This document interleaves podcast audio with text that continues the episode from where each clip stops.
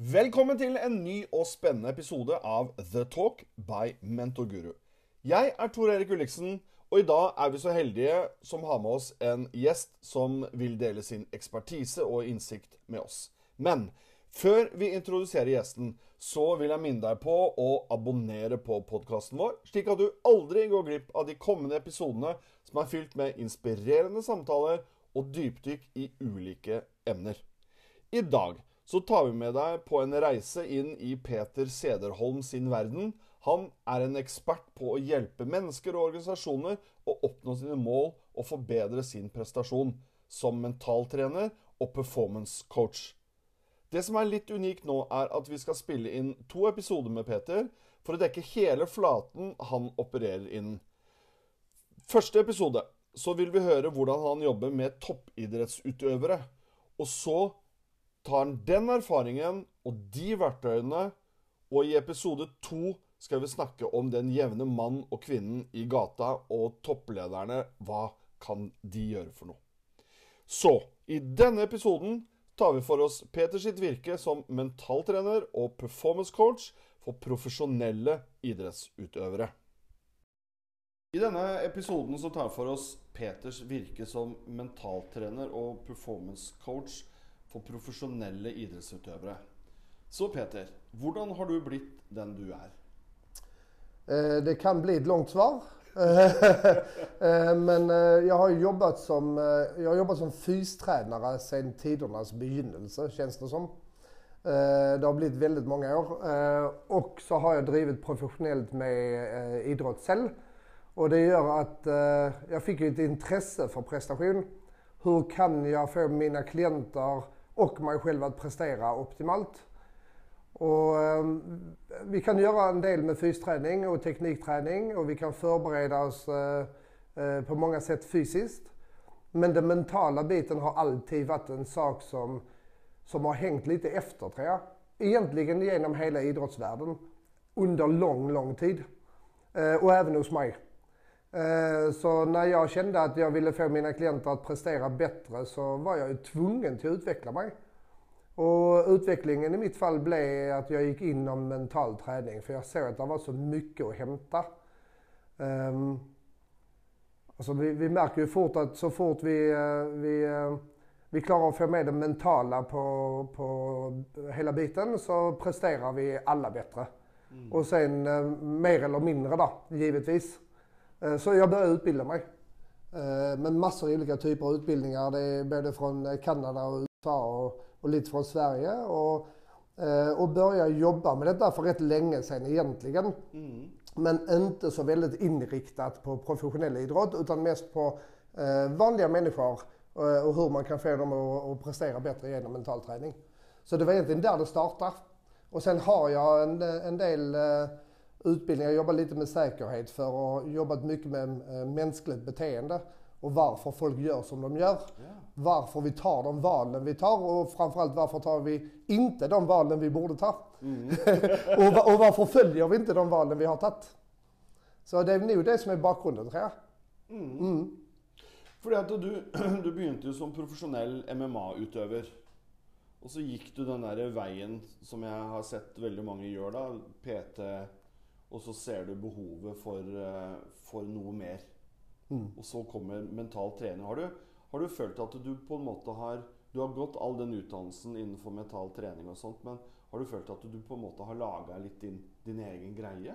Ja, definitivt. Jag tror nog att jag jobbar lite annorlunda än många andra gör. Nu jobbar jag väldigt eh, med, med performance coaching. Ja. Så jag jobbar väldigt prestationsbaserat. Eh, det handlar inte så mycket om eh, hur kunden eh, har det och hur kunden mår. Eh, jag är upptatt av det också. Givetvis vill jag att kunderna ska må bra, men det är inte mitt fält. Det finns det andra människor som är mycket bättre på än, än mig. Men just prestationen var det jag riktade in mig på. Det är det som är mest spännande, tycker jag. Og det, og det var jo sånn jeg fikk høre om deg. Fordi at eh, i en tidligere episode, jeg tror det er episode 36, som kom ut rett før jul i, i 2023, så hadde jeg et intervju med Andreas, eh, som også kaller seg for Andy Candy. Og han, eh, han sa det at du mest sannsynlig var den beste mentaltreneren i Norge. Det var ju otroligt fina ord. där. Ja. Jag tror det är väldigt individuellt där. Selvfølgelig. Ja, så vem passar till vem och, Ja. och så vidare. Og han, han er jo bokser. Og han mente at eh, den forskjellen mellom før Peter og etter Peter var stor. Det var en, det var en stor eh, forskjell på hvordan Kanskje litt sånn hvordan han, eh, han tenkte og, og, og sånne ting. Ehm, han har jo Du har jo sagt at eh, vi får lov til å prate litt om han litt rundt hvordan, hvordan du jobber med han.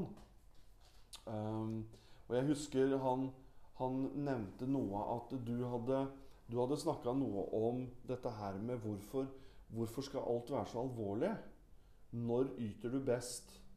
Hvorfor er du sånn på trening, og så er du sånn når det er kamp og, og før kamp? Kan du ikke fortelle litt grann rundt det? Jo, absolut. Eh, Andreas var ju en... Eh, när, vi, när vi började jobba tillsammans så var Andreas eh, thaiboxare. Ja. Eh, och så har ju gått över till boxning på senare tid. Ehm, och Andreas är en... Det är en tuff kille. Han vet vad han vill. Han vet vad han kan. I alla fall nu. Och det är otroligt kul. Men han hade nog en inställning om att om man ska prestera optimalt i ringen så må man vara tuff, hård. Ehm, och, och när Andreas tränade så var inte Andreas tuff och hård. Då skrattade han och hade kul och presterade enormt bra, eller hur? Ja. Så på träningen så var han ju en maskin utan dess like. Ehm, och så ändrade han lite attityd när han skulle gå in i ringen och satte på det här tuffa facet som gjorde att han, att han skulle känna sig redo för att gå kamp. Och det handlar ju både om den inre känslan att du ska känna dig tuff nog till att gå den tuffa kampen. Men också att du ska ha ett, ett, eh, en framställelse till din motståndare om att du är en tuff motståndare. Eh, vi, nu jobbar vi länge så nu hoppar vi en bit i tiden här men Andreas eh, ändrar rätt mycket på sitt beteende i ringen och eh, fick slappna av mer, fick vara mer Andreas. Eh, och när han var det så fick han fram sina egenskaper mycket bättre, både mentalt och fysiskt. Vilket gjorde att han fick ett bättre resultat. Så det var en lång väg dit. Såklart vi jobbar med massor med olika ting. Eh, Men Andreas gjorde ett extremt bra jobb med sig själv och var väldigt dedikerad till det vi gjorde och det krävs ju för att komma dit han, han kom också. Men jag tror det här med, det finns så många, jag vet inte vad man ska kalla det, myter eller vad man ska kalla det för, men inställningar om att man ska vara på ett visst sätt för att prestera optimalt. Ja. Eh, och den eh, myten eller den väggen, den vill jag gärna rasa. Den vill jag riva ner för det är väldigt individuellt hur man ska agera för att prestera bäst eh, i, i sin egen kropp och sitt eget sinne. Så, eh, men han fick massor med bra resultat när vi slutade vara tuffa. Ja. Han var fortfarande stenhård i ringen.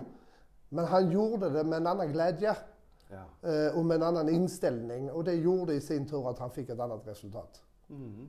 Vil, du, vil du si at eh, Andreas var Han var klar for å, å få litt mental trening? Ja, det måste jag definitivt säga. Alltså, det var Andreas tränare på den tiden som kontaktade mig och undrade om vi skulle ta ett möte. Så vi Box- tog, box, eh, nej, eh, thaiboxningstränare. Thaiboxingstrener? Ja. Eh, och så tog vi ett möte och, och jag, jag förstod fort att Andreas eh, var riktigt intresserad. Eh, och han ville. Eh, och han ville ha något nytt och han, han trängte något nytt för att det skulle bli ett annat resultat. Så han var definitivt klar för ett litet skifte och la ner enormt mycket tid på att lära sig det mentala och allt runt hela det mentala aspektet. Så han läste ju hela tiden och folk gick ut och festade men Andreas var hemma och läste. Så det var otroligt kul att jobba med honom. Han var ett prime exempel på en idrottare som du tar från punkt A till punkt B ja. för att han har viljan att genomföra. Och det är otroligt kul. Då. Ja, for jeg, jeg vil jo tenke at det er en del eh, såkalt primadonnaer som kommer. Det er kanskje litt feil å bruke det på, på mannlige boksere og thaiboksere og sånt, men, men at det kommer personer til eh, deg som er ekstremt dyktige og er veldig klar over det. Eh, og det kan være vanskelig å komme igjennom. Har du noe, hva, hva gjør du for noe da for å komme igjennom till det? Ja, men det du har helt rätt där.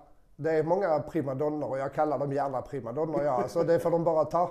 Ja. Eh, men jag jobbar med alla typer av sporter. Det är ju fotbollsspelare, tennisspelare, squashspelare, golfare, kampsportare. Det finns alla möjliga och alla har sina primadonna-fasoner som de håller på med. Eh, och med all rätt på ett sätt för att de ska vara egoistiska. För att de ska prestera. Och då må man vara lite primadonna också. Men man måste se realiteten. Eh, och det är väl egentligen det jag gör först, eh, tror jag. Eh, det är nog att jag får dem till att se verkligheten runt dem. Vilken verklighet har jag runt mig? Vad är det jag står i? Vad är min utgångspunkt och vad är mina förutsättningar? Det som händer när man tar fram de bilderna, det är att de ofta de kommer ner med fötterna på jorden, får känna efter lite, fingern i backen och så liksom Eh, var är jag? Då märker de fort att herregud så mycket jag har att hämta. Om jag bara blir lite mer ödmjuk för ny kunskap eh, och erfarenhet och får testa någonting nytt. Eh, det är nog det första jag gör och det gör jag ofta genom att jag måste lära känna personen. Ja. Jag jobbar aldrig, eller väldigt, väldigt sällan ska jag säga, eh, med personer en kort period. Jag jobbar gärna längre perioder. ja. Och då må jag lära känna personen först. Du bruker tid på Ja, fordi at du, du må ha det, det de trenger. Ja, alltså det, det. det spelar ingen roll hur mycket jag kan. Eh, För det spelar ju roll hur mycket de klarar att ta emot. Och hur mycket de klarar att applicera in i det de håller på med. Så jag tror det viktigaste för mig i starten är att jag lär känna dem. Och så lär jag mig vilka knappar jag kan trycka på och Ja. vad som ger vad. Ja. Eh, Andreas är ett bra exempel. Andreas kan komma in med hakan högt i luften och svinga på armarna och vara lite, vara lite macho. Eh, och med all rätt, för han är flink på det han gör. Men när vi är färdiga så sitter vi och skrattar och är väldigt... Det blir mycket mer intimt då. Han lär känna mig, jag lär känna honom. Så det blir en annan relation efter en stund. Och det är i den relationen, där klarar man, om man får förtroende från idrottaren, så klarar man att vända på ting eh, som kanske de tror är färdig, Ja. men som inte är färdig. Ja, ja. Och så kan vi vända på de tingen och se på dem igen. Och då hittar vi vår verklighet var vi är någonstans. Eh, och då kan vi bygga därifrån. Mm. Så det tror jag är det första jag gör egentligen. Ja, for at det er, det er utrolig viktig det der også du, du må være åpen for å ta imot mm, både ny kunnskap, men også en, en annen måte å se ditt standpunkt på. Som, Absolutt. som utøver da, så, så kommer det plutselig en utenifra og begynner å på en måte kanskje stille litt sånn spørsmålstegn ved hvorfor gjør du sånn og, og ikke sånn. Og da må du være klar for å, å ta emot det. Ja, och de flesta är ju kanske inte helt klara i starten. Nei. Det blir lite defensivt ibland. Ja. Men de märker nog rätt fort, tror jag de flesta, de märker rätt fort att där ligger någonting i det där. Mm. Och i det de märker att det ligger någonting i det, om de är idrottare av den rangen som de utger sig för att vara, Mm. eh, och de märker att det ligger lite i det man, eh, man ser och det man säger, så eh, fattar de att här har jag någonting att vinna. Mm. Och då är det lättare att öppna upp och säga att okej, ge mig någonting. Så analyserar jag det själv och ser vad jag tycker och tänker. Och så antingen öppnar de ännu mer eller så blir de ännu mer skeptiska. Och jag liker bägge. Ja. Jag liker bägge för jag liker att de kan vara lite skeptiska och för då är det så mycket mer att hämta när de väl känner att detta tränger. Ja. Ja. ja, for at det, dette her er jo konkurransemennesker på, Oh, ja. på alt. Og, og fordi at du, du, er på, du er på et høyt nivå. Det er, det er jo der vi er nå.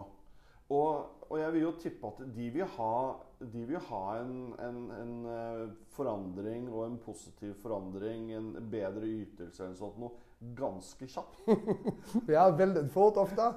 Jag har haft någon eh, klient som har kommit in och sagt, eh, och det är första mötet, Ja. och så säger de, du jag har en kamp imorgon. Ja! Eh, och visst, man kan, eh, man kan eh, snu ting eh, lite fort och kanske få in några tankar. Eh, till kampen imorgon. Även om det är första mötet.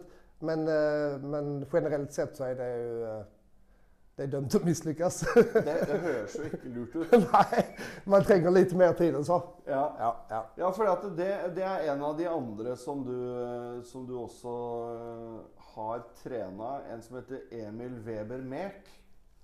Som er en UFC-fighter. Han har sagt at du har en unik evne til å analysere hvem du er som person, og hva du trenger. Altså en unik evne til å, å se personen foran deg. Da. Til å analysere hvem du er som person, og, og hva du trenger. Har du noen, har du noen spesifikke verktøy du, du bruker der, som de må svare på noen spørsmål, eller du er igjennom noen tester, eller hva, hvordan Ja, ja jag använder, använder en del olika verktyg. Ehm, Jag använder någonting som heter awareness map. Mm. För att göra dem mer bevisst på vem de är. Och i samma stund som de blir det så blir jag det. Mm. Jag blir mer bevisst på, på dem och eh, vilka de är. Eh, Så det använder jag rätt mycket. Ehm, Och så har jag en del verktyg som jag använder längre fram i, i processen. Men awareness map använder jag väldigt mycket i starten. För då, då får jag reda på vem de är. Eh, vad de tycker, vad de tänker, hur de känner eh, om olika ting. Och så tror jag det handlar väldigt mycket om att vara eh, ödmjuk från min sida. Mm. Jag måste också vara ödmjuk och öppen för den personen som sitter eh, mitt emot mig. Mm. Eh, vi har alla, alla har gått igenom massor med olika ting. Eh, och jag kan inte säga att jag kan förstå vad alla har gått igenom.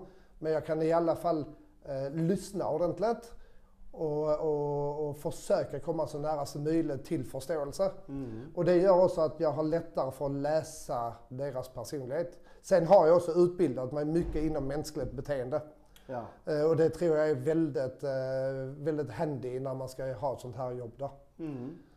For, for etter den her awareness map Hvordan legger du opp løpet videre da? Hva, hva skjer videre? Nej, alltså det jag är ute efter, när vi har lagt upp en awareness map så vet vi vilken verklighet vi står i. Och när vi vet verkligheten så vet vi utgångspunkten. Och då må vi ta reda på vilka förutsättningar vi har för att komma dit vi vill. Ja. Eh, Och då använder jag mig väldigt ofta av eh, GROW-modellen som många mentala tränare gör. Mm. eh, Som jag liker väldigt, väldigt gott. Mm. Eh, Jag använder den nog kanske lite annorlunda än vad många gör för jag använder den ner till minsta detaljnivå. Ja. Och en GROW-modell handlar egentligen om att ta reda på var är du? Var ska du? Vad, vad kan du göra för att komma dit? Och sen vad har du vilja nog till att göra för att komma fram? Mm. Eh, den avslöjar enormt mycket. Eh, både för mig och för den som, eh, som gör modellen eh, eh, till sin idrott till exempel. Mm. Eh, så den jobbar jag väldigt mycket med. Mm. Sen har jag utvecklat några andra verktyg själv som jag själv använder. Grow-modellen är ju inte mitt. Grow-modellen är ju en, en stort verktyg som många mentaltränare anv- använder idag. Ja. Som jag anser vara en bra modell egentligen. Mm. Och så kan man tweaka den lite så att man får in, den- passar in den till sig själv. ja, ikke sant? Ja. man, man har et verktøy, og så må man jo tilpasse det litt. Grann. Definitivt. Ja. Min, eh, min eh, forrige episode var jo om Grow-modellen. Okej, okej. Og, og der putta jeg tenkte liksom Ok, hvordan bruker du Grow-modellen som en coach? Hvordan kan du bruke det som en businessleder? Hvordan kan du bruke det som en privatperson? For å så prøve å se hvor, hvor stort spenn det er da i, i dette her eh, verktøyet. Så og da er det helt riktig det, Eller jeg er helt enig med det du sier, det at du må Du tar et verktøy, og så må du gjøre det til ditt eget. Ja. Som eh, Det må anpassas till ändamålet du ska ha det till och till personen lite grann eh, vem du ska coacha. mm, Eh, Så min grow-modell på, på Andreas till exempel kan se annorlunda ut än en grow-modell till en golfare eller en tennisspelare eller vad det nu är då. mm, Eh, Och, vilka, och olika, vilken person det är. Men du har ju de bestämda facken vad grow-modellen är. Ja, ja. För det handlar ju om goals och reality och options och så. De har skrivit egentligen att eh, W ska vara för will. Mm. Men jag har ändrat det till willingness. För will är jag inte ett dugg intresserad av. Nej. För vad du vill, Det spelar inte så stor roll. Det som spelar roll det är vad du har vilja nog till att genomföra. Hva er du villig til å, å gjøre? Ja. Og det er jo der veldig mange Det husker jeg, det snakka vi om eh, når vi møttes første gangen. Mm. Så snakka vi om dette her med å ofre. Noen snakker om å ofre, andre liker ikke å snakke om å ofre. Men det handler jo om hva du er villig til å prioritere, da. Ja, jag skulle nog inte säga offra. Nei? Jag skulle nog säga som du sa nu. Vad är du villig till att göra för att komma dit? Och är du villig till att göra vissa ting så väljer man automatiskt bort andra ting. Eh, och då är det, må det vara ett bevisst valg. Mm, ja. För, för väljer du det bevisst, att detta har jag vilja nog att genomföra, så väljer du också bevisst bort ting. Du kan inte gå på byn två, tre gånger i veckan om du ska vara en toppatlet. Det fungerar inte för du ska upp på morgonen och träna och du ska gå dina kamper och du ska resa och så vidare. Så att då har man ju valt bort vissa ting samtidigt som man väljer in vissa ting. Ja. Och det är många människor som säger, ja men jag vill så gärna. Eller, jag vill så gärna gå ner i vikt. Eller, jag vill sluta röka. Eller, jag vill sluta snusa. Eller, jag vill resa till dit. Eller, ja men det är bra det. Men vad har du vilja till? för det är ju egentligen det som räknas. För vill det vill vi alla. ja. Men frågan är vad man har vilja till att genomföra för att nå de resultaten som man faktiskt har satt framför sig. Og, og det er der den planleggingen kommer. Och jag tror den är extremt viktig. Ja. Ja.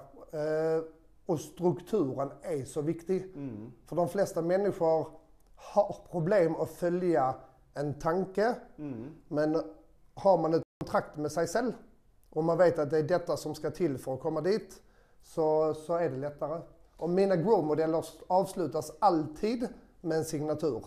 Ja. Det ska skrivas under och då har du skrivit på kontraktet med dig själv. Och bryter du det kontraktet då har du i alla fall brutit jobbet med mig. ja. Och så har du brutit kontraktet med dig själv.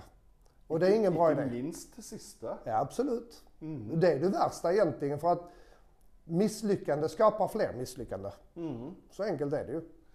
Jeg syns det ofte kan være litt morsomt å legge på en bokstav på Grow-modellen til slutt. Eh, fordi at det er noe som jeg syns er veldig veldig viktig. Det er å evaluere. Så evaluate. Eh, gjør du noe sånt? Ja, men det gör jag i ett annat verktyg Ja, som ok. kommer lite senare. Ja, jag har okej. utvecklat ett eget verktyg som heter Bullseye-modellen. Ja. Eh, där vi går igenom allt du har varit villig till att genomföra. Mhm. Eh, som vi börjar utföra. Hur har det gått? Så det blir min evalueringsverktyg. Då använder jag något som heter Bullseye. Det är svårt att förklara i en, i en podcast. Men eh, man må nästan säga det. Men, eh, ja. Jeg tenker også at vi kan, vi kan legge litt lenker ja. Til noen av de verktøyene hvis de er eh, offentlige og Om ikke det. ute. Ok, Da blir det litt vanskeligere. Men de kommer ut på min hemsida så man kan se hur det ser ut i alla fall. Ja, ikke sant? Ja. Og da, da legger vi en lenke til, eh, til din eh, hjemmeside. Ja. Så, så får de sett det. For det, det, er kjempe, det er kjempemorsomt å kunne se hva man bruker av verktøy. Mm. Eh, ikke ned i detalj, men hva man bruker, og så få et overblikk og, og dykke ned hvis man, eh, hvis man har lyst til det. Så ok, så bullseye, det er, eh, det er evalueringen. Det är evalueringen. Mhm. Och sen har jag ett verktyg till som, eh, som jag eh, kallar för Tactical Performance Assessment Coach. Oi, ja. Så TPAC. Som eh, är till för daglig uppföljning för eh, klienten. Där de hela tiden följer upp sig själv. Eh, och de ser vilken nivå de ligger på. Den är lite, den är under utveckling. Eh, har provat den på relativt många och det fungerar väldigt bra. Men då må du verkligen ha struktur. ja. För har du inte struktur så faller den, faller den bort. För den, är, den kräver mycket struktur. Mhm. Ja. Men er ikke, det, er ikke det en av de tinga som man egentlig krever for oss å være på det nivået der? Det er struktur. Definitivt. Man må på en måte tvunges inn i en struktur og Ja, man måste det. Och jag tycker väl egentligen att de flesta idrottare jag jobbar med, eh, de har en viss form av struktur. Så struktur kan alltid förbättras Ja. och förändras eh, oavsett hur flink du är. Men, eh, men eh, de flesta idrottare har rätt mycket koll Mm. på vad de tränger att göra och vad de icke tränger att göra. Mm. Eh, och, eh, och ja, jag hjälper dem med mycket struktur. Men det är relativt enkelt skulle jag vilja säga. Mm. För att de är så mottagliga för att de förstår att med denna strukturen så blir detta resultatet bättre. Fordi at de har det der end-goalet Ja, ja, ja. som er så, så tydelig. Mm. For at du har, du, har, eh, du har jo det store målet, eh, og så deler du det opp i, i, i småmål. Er du også sånn at du da deler det opp helt ned på dag til dag? Ja, timme till timme med. Time til time òg, ja. Oi. I vissa situationer så bryter vi ner det ända ner till timme per timme. Det beror på vad det gäller givetvis. Men när Andreas kom in till exempel och sa att han skulle bli världsmästare i thaiboxning. Ja. ehm, och han skulle fightas i en organisation som heter Glory, som är en av de största för thaiboxning. Ehm, så är det ett enormt stort mål här borta. Då slutar hela vår nedbrytning av målsättningar, då slutar det ner till timmar ja. per dag. ja. Eh, och det genomförde han. Han är världsmästare i thaiboxning. Eller han blev. ikke sant? Han Ja. er jo det. eller Ja. Han, han, ble det, mener jeg. Ja, och, så och, och har han ju gått vidare till boxningen då, och då. Nu satsar han stenhårt på det, så det är kul. Ja, jeg syns det er kjempekult. Og, det, og noe av det som jeg eh, tenkte når, når jeg snakka med Andreas, det var jo det at eh, Fy søren, så, så rolig. Altså, du, du har et bilde av typ sånn boksere og MMA-personer og sånn at de er jo klin gærne. Det er for meg som er helt utenfor den her eh, Hva skal man kalle det? Bransjen. da så, så virker de sånn. Men det er jo et skuespill. Ja. Har, jeg jo, har jeg jo skjønt. Nå har jeg jo møtt Andreas, og jeg har møtt deg. Og, og sett andre også. De, de är så roliga. Det, det, alltså det, det krävs där. Ja. För ska du ha den eh, strukturen och du ska ha den eh, willingness till att genomföra det som krävs Mm. så kräver det att du har ett visst lugn i, Mm. i, i dig själv. Ja. Och de, eh, jag tror faktiskt väldigt sällan jag träffar en idrottare som inte är lugn. Oavsett eh, idrott faktiskt. Och kollar man på kampsportare som då kan framstå som lite galna som du säger och lite, att det blir väldigt sån aggressiv ton. ja. Så ja, så är det ju ett skådespel. Eh, oftast. Ja. Sen har du någon som är riktigt galen då, givetvis. Men de flesta är ju definitivt, som du kollar, om du kollar i Norge till exempel, där du har eh, några av de bästa fightersen eh, någonsin i Norge som, som Emil Meek och Jack Hermansson, eh, Martin Hamlet, Kenneth Berg, eh, Andreas inom boxning, Ke- Kevin Melus inom boxning. Det är otroligt ödmjuka personligheter och väldigt, väldigt eh, eh, nere på jorden. Eh, och, och, för de, de tränger det. Ja. För de ska kunna lyckas. Mm.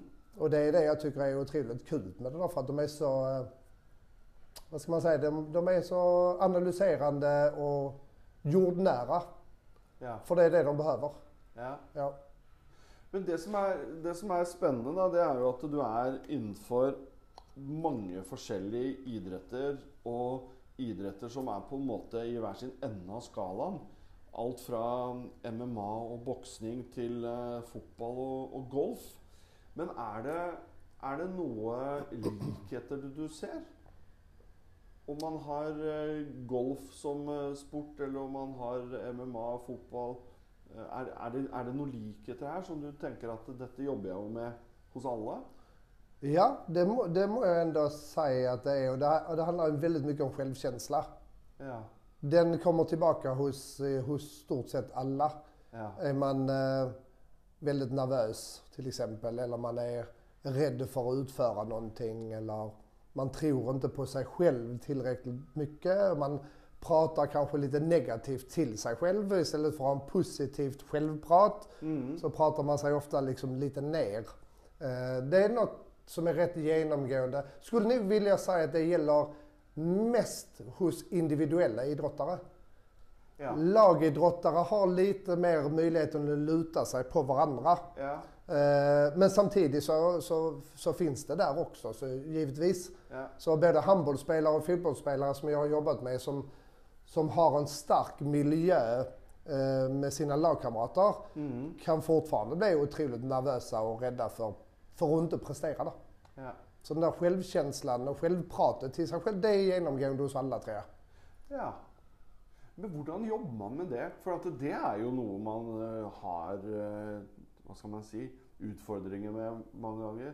Om man er toppidrettsutøver eller litt lavere ned på idrettsskalaen. Eller helt utenfor også. Mm. H- Hvordan kan man jobbe med det? Det finns ju massor med olika metoder men jag, jag tänker sån att eh, jag, jag brukar fråga mina idrottare när de, när de säger ja, nu är jag så nervös Mm. och vi ska in i den här kampen här om ett par dagar. Eh, och jag har ont i magen, benen väger 100 kilo, jag får inte pusta ordentligt. Det gör ont i huvudet, jag svettas, det gör ont i musklerna. Det är, alltså, de, de får hela paketet på en gång. Det er ikke optimalt. Nej, det, det, det är absolut inte optimalt. Men jag gör ofta detsamma som jag gör med, med en del av coachingen. Jag brukar ställa frågan, vad är det du inte kan? Ja. Vad är det du inte kan i det du ska nu utföra i denna kampen eller matchen eller vad det är? Och svaret, eh, det tar ofta lång tid innan jag får svaret helt färdigt. Men det först, eller det, eh, resultatet av frågan blir i stort sett alltid ingenting. Nei. Att det är ingenting de inte kan Nej, inte för att utföra det de ska utföra. Och då frågar jag ofta, men vad är det då som gör att du ifrågasätter dig själv så pass att du, eh, att du blir så nervös och mår så dåligt av det? Och så måste de tänka på det då. Och då är det ju oftast att de kanske inte tror på sig själv helt mentalt. Mm. För det är ofta det som spökar. För det fysiska och det tekniska rent eh, praktiskt, det kan de. Ja. För detta har de gjort i hela livet, de flesta. Ja. Eh, Så det är ofta ingenting de eh, eh, inte kan. Eh, Men det är det mentala som... eh, Och det jag gör då, det är att vi må komma ner i puls. Vi må få kontroll på pusten. Så jag gör ofta, ofta djupandningsövningar bara för att komma ner. ja.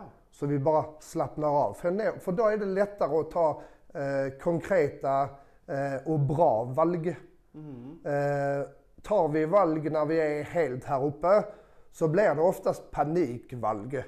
Vi, och vi, vi gör ting för att vi tror att det ska hjälpa. Eh, och ofta så gör det situationen värre faktiskt. Men om vi kan vara lite realistiska, komma ner i puls, få kontroll på pusten, prata lite rolig, Mm. Då är det lättare att ta ett, ett ordentligt val. Och ofta säger de att, ja men vad är det jag är rädd för egentligen? då?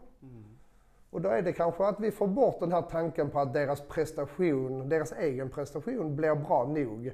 Och så kommer vi ofta fram till, okej vad kan vi inte kontrollera? Ja. Motståndaren. Ja. Okej, vad kan vi göra för att kontrollera motståndaren då? Ja, vi kan göra en del saker. Vi kan se på videos och så vidare, givetvis. Eh, Men du kan aldrig kontrollera motståndaren Nej. till 100 procent. Nej, nej. Så då får du faktiskt bara godta att eh, så är livet. Ja. Ja, Det er en sånn liten wildcard. ja det är lite Kommer så. Det är inte allt vi kan kontrollera. Jag kan köra på motorvägen men jag kan inte kontrollera dig när du kör på motorvägen. motorvägen. sant. så jag får köra så gott jag kan och så får du köra så gott du kan och så får vi hoppas att vi inte kraschar. Får vi håpe at det går bra. ja, Ja. lite så. Men jag tror det här med att få ner dem till verkligheten och se vad, vad är egentliga problemet då? Till oro och nervositet och rädsla. Ehm, det var en tränare en gång som sa, jag tror det, den tränare som sa när jag var på väg in till ringen. eh, så sa uh, fightern att eh, jag, är så, eh, jag är så nervös. Och så sa tränaren, är du rädd? Så sa fightern, ja, jag är rädd. Mm. Och då sa tränaren, bra. För hade Oj. du inte varit rädd så hade du varit psykopat. jag tror det ligger en rädsla i all prestation. Ja. Sen mer eller mindre. Sen är man såklart rädd för olika ting. Mm. I boxning, MMA och brottning och allt vad det så kan det göra ont. Ja. Och ont, eh, det vill man ju gärna inte ha. Men när man är i en sån sport så känner du inte den smärtan för du har så mycket adrenalin oavsett. Så, men, men man är rädd för olika ting. Mm. Och rädsla, det är sinnessjukt bra med rädsla för det gör ju att vi har stora möjligheter till att vara väldigt modiga. ja. Ja. Om vi inte är rädda så kan vi, inte- kan vi inte vara modiga heller. Ja, det, det er jo et veldig veldig godt poeng. Men det er jo noe man, man stort sett unngår, da. Ja. Jeg, men jeg har, jeg har jo sett en del eh, Kanskje litt sånn fra, fra militæret, da, med soldater som er i, i strid. Eh, hvor, eh, hvor man har fått spørsmålet da Men er du Du kan jo ikke være redd når du, når du er der i strid og du ligger først og Eller fighter og alt, alt det der. Og da sier de, og det husker jeg at jeg blei veldig forundra over Jo, selvfølgelig er jeg redd. Og jeg tenker at men du kan ikke være redd. Du, er jo, du, du må jo gjøre det. Men jeg, jeg skjønner jo det du sier i forhold til at er du ikke redd, så er du psykopat. Sen var det, ja, det kanske är lite, att dra det lite långt, men jag, jag vet inte. Men jag tror alla har en rädsla oavsett vad vi ska prestera i. För det är ingen som vill misslyckas. Nei. Och så är vi rädda för olika ting. Ja. Så många av mina klienter är rädda för vad folk runt omkring kommer att tycka om jag inte lyckas. Ja. Det är en väldigt stor rädsla hos de flesta idrottare. Ja. Eh, Och då är det ju frågan, okej vem är det du är rädd för då? Vem runt omkring dig tycker du är extra jobbigt att vara rädd för att de inte är nöjd med din prestation? Och då är det ofta nära familj. Ja. Eh, om det är mamma, pappa eller det är syster, bror eller det är bästeföräldrar eller vad det är. Och så då kommer ju nästa fråga, vad tror du de förväntar dig då? Så är det ju ofta att de eh, kommer fram till att de förväntar ju egentligen bara att jag ska göra mitt bästa och sen vad resultatet blir, Ja. det blir oavsett. Ja. Eh, Okej, så förväntan från dem är egentligen inte högre än den förväntan du har på dig själv? Nej, det stämmer ju ofta. Okej, så vad är du rädd för då? Eh, så, eh, jag ifrågasätter extremt mycket där. Ja. Jag ställer väldigt mycket jobbiga spörsmål. Och jag gör precis som vi gör med fysträningen att om jag ska välja en övning till en klient som har med fysträning att göra så frågar jag mig gärna fyra, fem gånger varför gör jag den övningen? Det må, må, måste ju finnas en anledning. Och det gör jag med mina klienter i mentalträning med. Och det gör ju nog alla mentaltränare. Varför, varför, varför, varför, varför? Ja. För att de ska känna Ja. och, och göra det lite mer synligt där. Ja. För jag tror att ju mer synligt det är, både eh, potential och eh, eh, rädsla och motgångar, så är det lättare att behandla det. Jeg tror mange er redd for å skuffe andre. Väldigt. Ja. Ja. Og da, i hvert fall når du, når du to- tok fram da mamma, pappa, søsken, familie Du er redd for å skuffe dem. Men, men jeg er helt enig i at vi må, vi må komme dit hen at når du har gjort ditt beste Det er det man skal være glad for. ja, och så måste man... Eh, man ska inte glömma att fira. Alltså Nej. man må, f- man må fira lite grann. Har man gjort något bra så ja, men klappa dig själv på skuldrorna och ta det med dig. Människans natur tillsäger ju att vi har 90% större chans att tänka negativt än positivt. Och det är, inget, det är inte konstigt för det sitter i fight or flight. Så det är lättare för oss att tänka att detta kommer att gå åt helvete än att tänka att detta kommer att gå superbra. Ja. För att då är vi beredda på nederlag och det är fight or flight. Så att övertala dig själv till att tänka att detta kommer att gå väldigt, väldigt bra är mycket vanskligare än att tänka att detta går åt helvete. Bruker du den herre 'Dette kommer til å gå bra fordi' Ja, och där kommer ju varför in. Ja. Där ställer jag frågan varför. Eh, På samma sätt som när de tänker negativt eller positivt så använder vi spörsmålet varför. Eh, Jag tycker det är helt underbart. Man kan använda det till allt.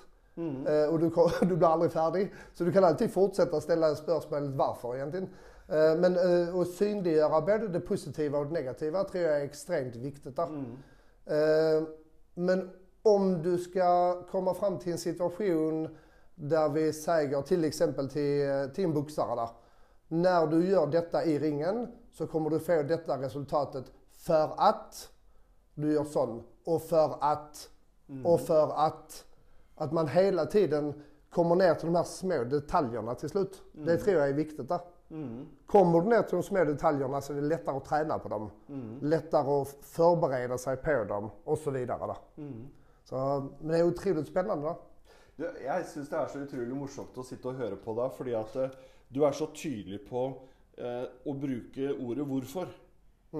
Fordi at eh, når, jeg, eh, når jeg kjører kurs for eh, coacher, mentorer og sånt noe, så prøver jeg å si 'unngå' å bruke 'hvorfor'.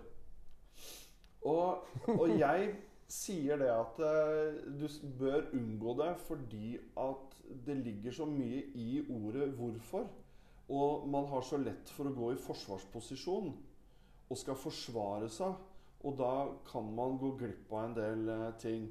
Så jeg har nok forandra meg i løpet av disse årene her til å si Vær veldig forsiktig med bruk av ordet 'hvorfor'. Fordi at du kan bare med å bruke stemmen din få noe helt annet. Men hvorfor det? Hvorfor det? Ikke sant? Bare sånn Absolutt. bitte, bitte små ting. Då är vi inne på kommunikation. Da det er på- superspännande. Kommunikasjon, det, det skulle, kan man jo prate om, eh, om eh, alt mulig. Absolut. For det, det, det ligger i alt, og hvordan, man, hvordan kommuniserer man både utad Men det vi snakker om her nå, det er jo egentlig hvordan man kommuniserer til seg sjøl. Ja, absolut. Og, og der tenker jeg veldig mange har noe å lære. Fordi man er altså så utrolig flink til å, å si til seg sjøl at Vet du hva, det her kommer til å gå. Vet du varför de flesta som röker aldrig provar att sluta? Nei. För att de är rädda att misslyckas första gången. För misslyckas de första gången Ja. så är chansen ännu större att de misslyckas andra gången. Eller tredje, eller fjärde. För då har du redan misslyckats en gång. Då har du bevisat för dig själv att det är supervanskligt. Ja. Så när du prövar andra gången och misslyckas då med, då har du misslyckats två gånger. Då är du ännu tuffare att misslyckas tredje gången. Jag driter i det. Jag bara fortsätter röka.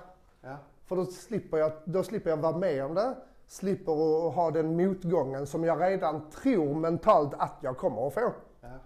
Så det är ju och det är otroligt spännande för då har du redan satt dig i en situation där du inte har lyckats. Ja, og du har heller ingen tro på at du kommer til å lykkes noen gang, men du har veldig lyst til det. Väldigt lyst. Det er det, er det der, Ja. Så du sa det med will Ja, og willingness. yes. Du vil slutte, men Men du är inte villig till att ge det en, och pröva ens en gång. För då kan du ju gå åt helvete. ja. Och där tror jag du, där, och just där faktiskt, har du den extrema skillnaden på en toppidrottsutövare och en som inte är toppidrottsutövare. Ja. Jag jag la ut en video för inte så länge sedan som handlar om skillnaden mellan amatörer och proffs. ja. Och den största skillnaden mellan amatörer och proffs är att amatören alltid går den lättaste vägen för att få ett resultat. Medan den som är professionell går alltid den vägen som krävs för att få ett optimalt resultat. ja. För den personen har mer vilja att genomföra för den personen ska dit. Lite samma sak med, med folk som undgår att ta eh, ett valg för att de kommer nog att misslyckas oavsett. Ja. Så om du tar till exempel eh, Emil Mekta ja. som har en extrem inställning till att lyckas. Eh, mer än många andra skulle jag vilja säga som jag har träffat. Eh, när han ser för sig att han vinner på ordentligt, när han har det inpräntat i huvudet på sig själv, då förlorar han inte. Då är han en maskin som bara ska från punkt A till punkt B. Ja. Och hans senaste kamp, eller sista, kampen han gick, var ett prime exempel på hur det ska gå till för en toppidrottare att prestera. Det var helt otroligt. Ja, for jeg, jeg tenker at det, det her, hva, du forteller deg sjøl, er så utrolig viktig. Og jeg, jeg syns det å kunne fortelle seg sjøl at eh, Vet du hva, dette her kommer til å gå bra. Eller i dag gjorde du en bra jobb. Eller i dag var du, var du flink. Eller et, et eller annet sånn. At du snakker positivt til deg sjøl. Jeg er veldig opptatt av å, å gjøre det, og jeg har veldig stor tro på det. Ja. For at gjør man ikke det, så, så Ja, da, når, når du forteller deg sjøl at ikke du kommer til å klare det, da er jeg ganske sikker på at du er Da er jo gitt, da. Ja, då är du du, nej, då är du mer än halvvägs till misslyckande, skulle Ja. jag vilja säga. Men uh, vil du si Jeg, jeg har et eksempel med eh, en del ungdommer gir opp veldig lett. Er det her noe sånn Er det i en, en bestemt periode av livet, mellom kanskje, for å ta et tall, mellom 15 og 25 30, så gir man lettere opp enn en person som er i 40-50-åra, eller noe sånt? Eller, eller er det tiden vi er i nå? Jag tror det har lite med bägge delar att göra, ja. Ja. Mm. Eh, För det första så går ju samhället väldigt fort idag. ja.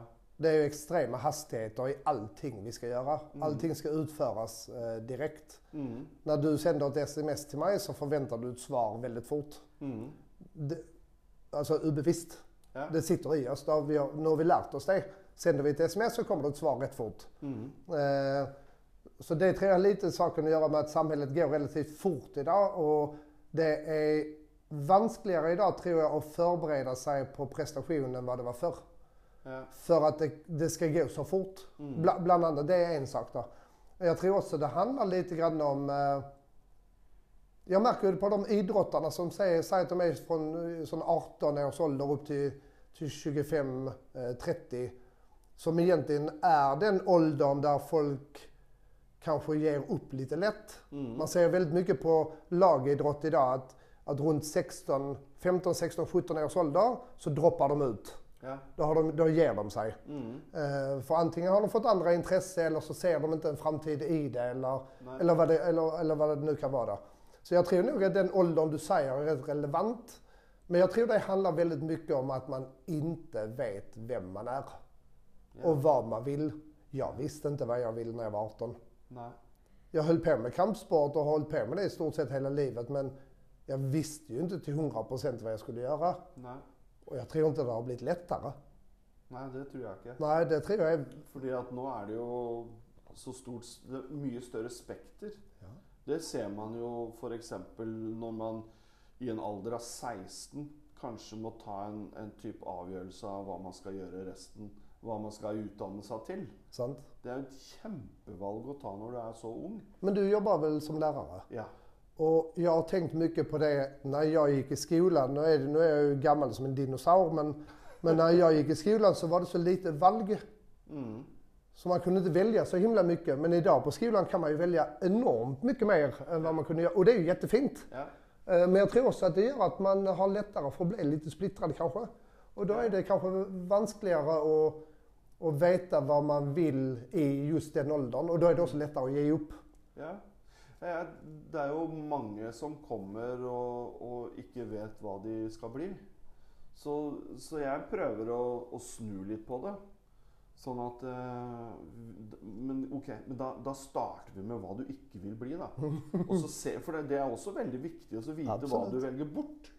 Ikke sant? Det er vi veldig opptatt av nå. Og, og da begynner vi der. Og så ved å så finne alle de her tinga som Ja, men da velger vi bort det. Og så velger vi bort det. Og så spør vi kanskje hvorfor valgte du bort det. Jo, nei, men sånn og sånn. Og da begynner de jo Da jobber de på en helt annen måte. Og da plutselig så kommer de til at Oi, men det syns jeg jo er gøy. Ok, men da trekker vi ut det. Og så ja, jobbe på den måten, da. Eh, så jeg tror det for nå Ja, nå er det, det er så mye som bare det. Eh, Veldig. Men hvis vi hvis vi tar litt eh, Nå har vi jo tatt veldig mye innenfor dette her med, med hvordan du jobber mot eh, toppidrettsutøvere og, og sånne ting. Og så tenkte jeg det at, eh, at vi kan, kan se litt grann på hva, hva er det som motiverer deg? Ja, Både til å gjøre alt det der, men hva er det som motiverer deg til å, å stå på hver dag for andre? det är ju en bra fråga. Eh, jag tror nog att nummer ett på den listan är att det är så mycket att hämta i det mänskliga psyket Mm. som inte vi brukar idag. Mm.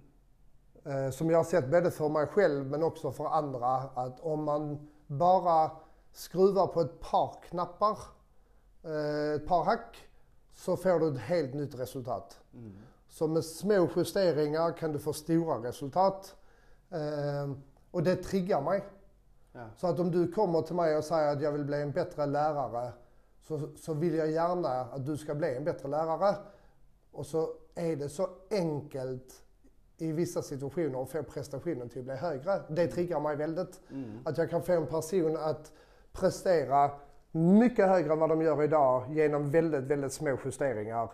Eller att de lär känna sig själv på ett annat sätt. Det är nog min... eh, Den glädjen i den prestationen, Mm. den ger mig väldigt mycket. Nu har jag jobbat med fysträning i så många år Ja. och jag ser ju hur, hur exalterade och glada och motiverade och, och, och eh, prestationsskapande det är när en idrottare eller en vanlig eh, mannen i gata får ett resultat genom att bara göra någonting nytt eller någonting annorledes. Ja. Det triggar mig väldigt och det gör mig väldigt glad.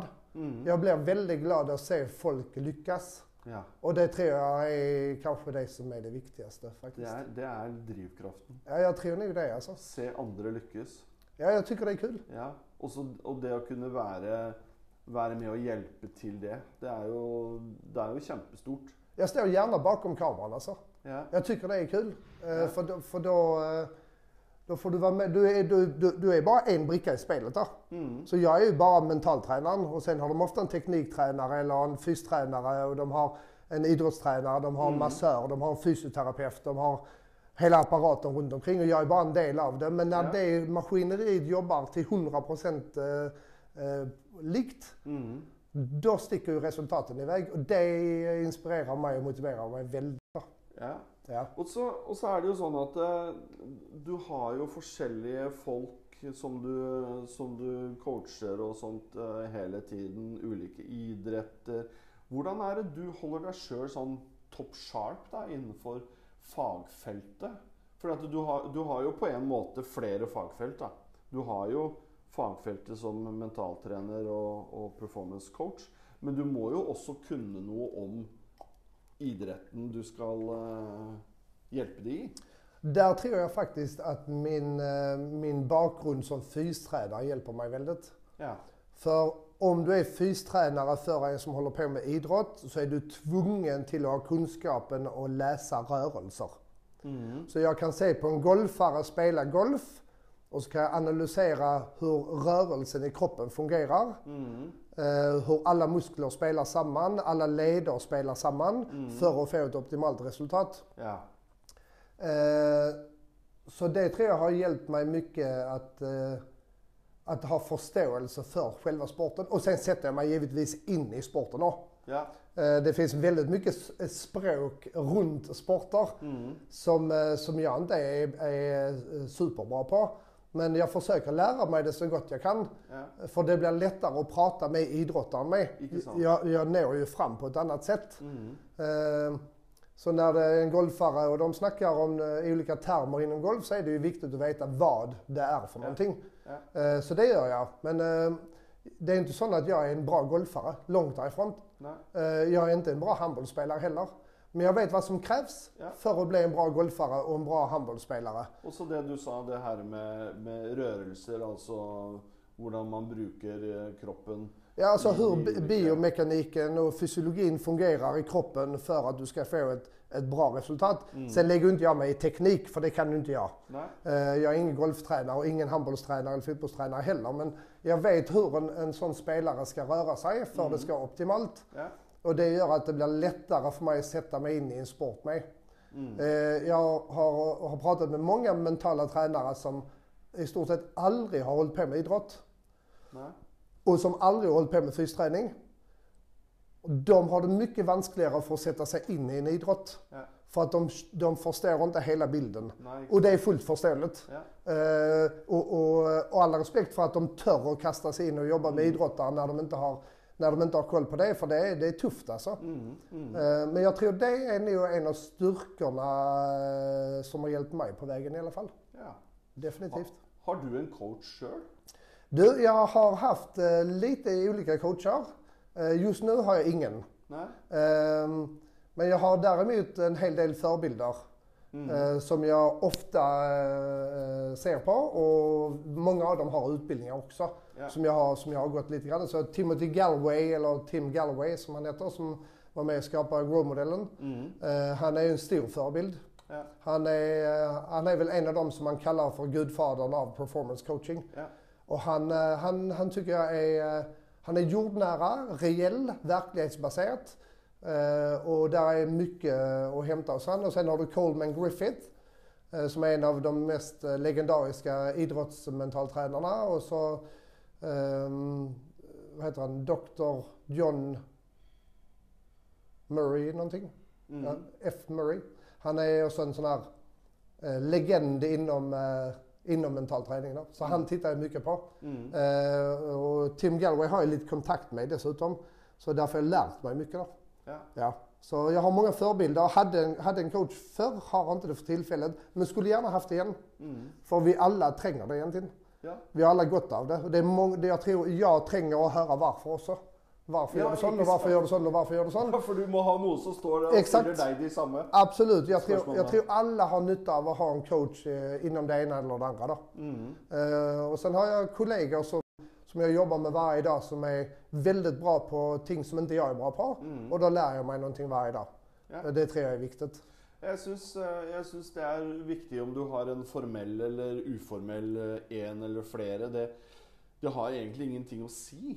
Eh, Og, og sånn som ting er nå, så er det jo veldig mange som legger masse ut på nettet, så man kan, kan møte de store forbildene. Da, så høre og, og, og lære av de. Absolut. Eh, vi begynner jo å nærme oss eh, slutten eh, her nå. Vi har jo, vi har jo holdt på Nå har vi jo snakka litt over 50 minutter, og det har vært utrolig morsomt også å høre det her toppidrettsnivået da, som man er på. Men hvis man Hvis du, hvis du tenker deg eh, Hvis du nå skal snakke til de som er rett under, da, eller under toppnivå, men de vil gjerne komme dit. Men, men de er eh, glade, flinke amatører. Har du tre råd til de, og det kan være til alle lytterne også, om ikke man er idrettsutøver og, og skal holde på med det, men har du tre råd til hvordan de rett og slett kan få en topp performance? Ja, eh, om vi ska göra det enkelt då. Mhm. Så att vi kan tänka oss att alla tre Mhm. eh, ska vara till alla typer av människor. Mhm. Så skulle jag nog vilja säga, ta reda på var du är. Mhm. Vad är din verklighet idag? Ta reda på var du ska. Och då menar jag inte eh, bara var du vill. Eh, men vad du har vilja till att göra för att komma dit. Mhm. Ehm, och så tror jag att eh, du må vara kontinuerlig. Du kan inte ge upp vid minsta motstånd utan du måste pusha igenom motstånd och svårigheter för att komma dit du ska. Ikke noe rykken opp. Nej, det håller liksom inte va? Det, det gör ju inte det. Alltså, ska du bli... Och det spelar ingen roll vad du ska bli bra på tänker jag. För ska du bli bättre på att köra bil eller du ska bli bättre på att skyffla snö eller vad det ska vara för någonting så må du i alla fall genomföra det. Eh, Så jag tror att ta reda på var du är, ta reda på var du ska och vad du har 100% vilja till att genomföra.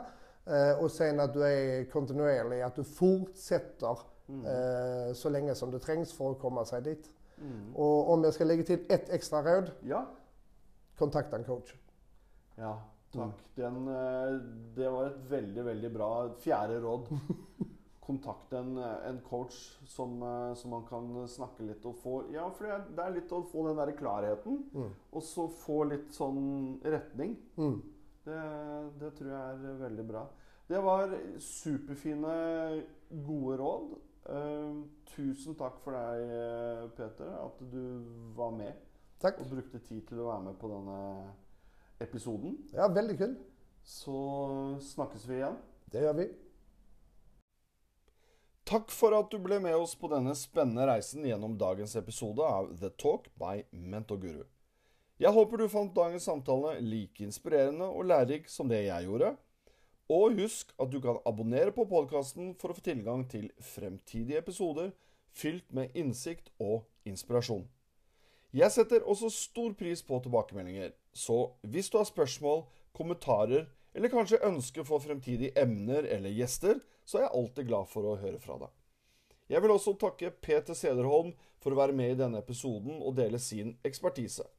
Hvis du vil vite mer om Peter, så vil jeg inkludere kontaktinformasjonen i beskrivelsen til episoden. Der vil jeg også legge ved lenker til det vi har snakka om. Så til neste gang, fortsett å utforske, lære og vokse. Jeg gleder meg til å være med deg i fremtidige episoder av The Talk by Mentorguru.